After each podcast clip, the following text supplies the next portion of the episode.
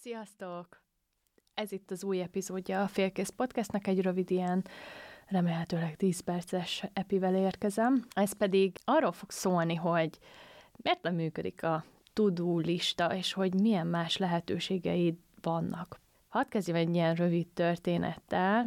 Az elmúlt héten, amikor itt voltam a podcast stúdióban, a szokásomhoz híven megittem egy csomó vizet, nyilván akkor hol a mosdó, kimegyek a folyosóra, tanácstanuló bolyongok, és egy srácba ütköztem, aki segített egyébként megmutatni, hogy merre az arra, de hát természetesen elkezdtünk beszélgetni. Nagyon érdekes volt, és talán ő az, aki inspirálta ezt, a, ezt az új részt, hiszen beszélgetésünk során elég gyorsan megtudtam, hogy egy újonnan végzett biológus srácról van szó, akinek igazából minden ideje minden olyan dologgal elmegy, amivel nem szeretne foglalkozni. És ahogy én is bemutatkoztam, és meséltem a podcastről, mondta, hogy na ő például pont több podcastet akar hallgatni, és ez tényleg nem az én reklámozásom helye, vagy bármi ilyesmi, és ez annyira megmaradt bennem, mert tudatosult bennem, hogy mennyire egy olyan világban élünk, ahol nap mint nap a ba rakunk újabb és újabb pontokat, és megnyitjuk a Google naptárat, odaírjuk, füzetbe írjuk, vagy esetleg bármilyen más ilyen alkalmazást használunk hozzá, stb. stb. És hogy ezek valójában sose teljesülnek. És ez a srác is egy biológus, frissen diplomázott fiatal, aki keresi így igazából, hogy merre az arra, de annyi minden dolga van nap, mint nap, hogy nem lát ki a teendői mögül, és hát inspirálva ebből a beszélgetésből, mi lenne, hogyha ezt az egész tudólistát így megfordítanánk, és arra fókuszálnánk, hogy milyen az, hogyha azon gondolkodunk, hogy mi az, amit nem akarunk csinálni. Ez pedig a tudont listának hívjuk. Ebben az epizódban történelmi és pszichológiai háttérét is majd elmondom ennek az egésznek, mert ez egy, nem egy új keletű dolog. Érkezzen akkor a tudont lista rész.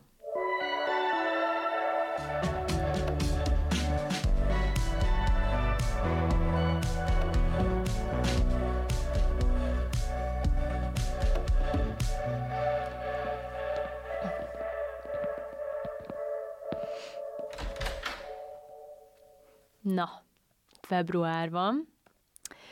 Hogy állnak az újévi fogadalmak? Jól mi? Persze, természetesen. Úgy érzem, hogy nem csak nekem, de másoknak is, és még a kutatások is mutatják, hogy ezek az újévi fogadalmak, ezek, ezek, ne, ezek nem jönnek be.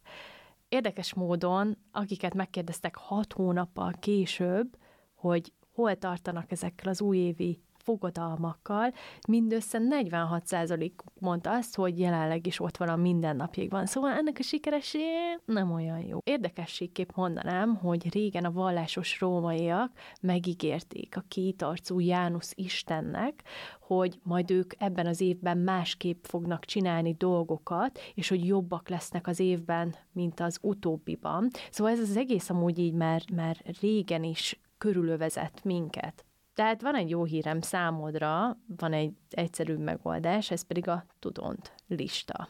Mi is ez a tudont lista?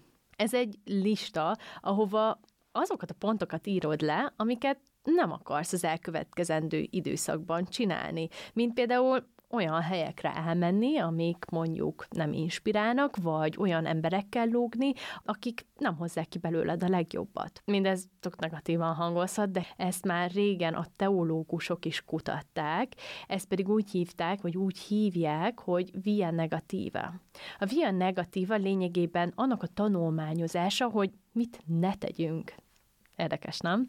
Az ötlet egy latin kifejezésből származik, amelyet kezdetben a keresztény teológiában alkalmaztak, annak érdekében, hogy megmagyarázzák, mi Isten, azáltal, hogy arra összpontosítottak, hogy mi nem. Mindfuck, nem? Ha pedig úgy érzed, hogy elakadtál, nem tudod, hogy mi legyen a következő lépés, legyen az mondjuk a kapcsolatodban, a munkádban, akkor a via negatíva egy tök jó eszköz lehet arra, hogy segítsen megtalálni, hogy mire van szükséged, azáltal, hogy megtudod, hogy mire nincs szükséged.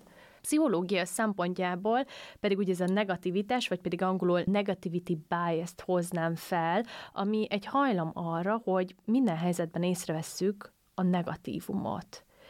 Ez pedig valószínűleg az önvédelem miatt alakult ki bennünk még jó régen, mert amikor fenyegetettség érzetét elkerültük és nem vettük észre, az az életünkbe kerülhetett, míg az öröm, vagy valakinek a mosolya egyáltalán nem jelentett akkor a kockázatot. Tehát ki vagyunk élezve arra, hogy a rossz dolgokat megtaláljuk még a jóban is. Ez az eszköz, ez a tudont lista, pedig ugye, ahogy mondtam, az élet meg annyi területén alkalmazható. Vegyük akkor a fiatal srác példáját, most nevezzük akkor Rolandnak.